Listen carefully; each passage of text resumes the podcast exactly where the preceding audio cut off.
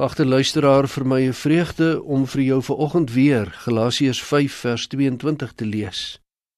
Die vrug van die Gees is liefde, vreugde, vrede, geduld, vriendelikheid, goedhartigheid, getrouheid, nederigheid en selfbeheersing. Woord nommer 8 en 9 in die Galasiërs 5:22 vrug van die Geesteks is sagmoedigheid en selfbeheersing en dit in 'n klipharde lewe en wêreld. Sagmoedigheid. 'n Woord wat met jou houding te doen het. 'n Sagsinnige lewenshouding. Nie driftig en al te heftig nie, nie onstuimig en hard en vurig nie.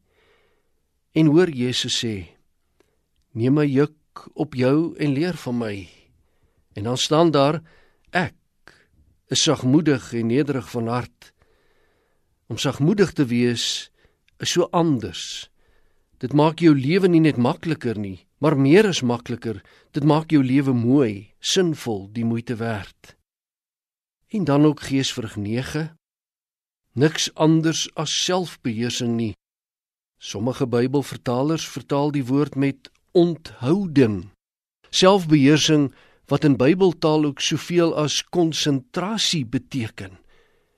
Daarom sê Paulus in 1 Korinte 9 vers 4 en 25 as hy na die atleet verwys wat aan 'n wedloop deelneem, hardloop dan so konsentreer daarop dat jy die prys kan wen.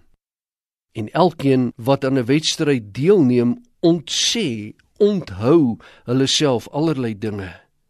Hulle onderwerp hulle self in alles aan streng selfbeheersing.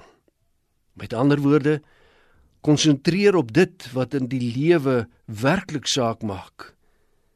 Selfbeheersing as vrug van die Gees, die wondervrug van God se genade in jou lewe. Jy kan godvrugtig lewe. Die Gees van God in jou hart en gemoed Dankie vir u vrug in my nietig mens se lewe. Kom ons dank die Here vir sy liefde. Ons Vader wat in die hemele woon. Die Galasiërs 5 vers 22 teks.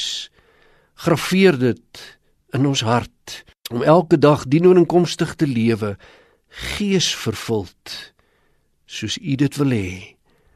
Maak die dag allermooi met wat die dag vir ons inhou laat ons ons roeping vervul in Jesus naam. Amen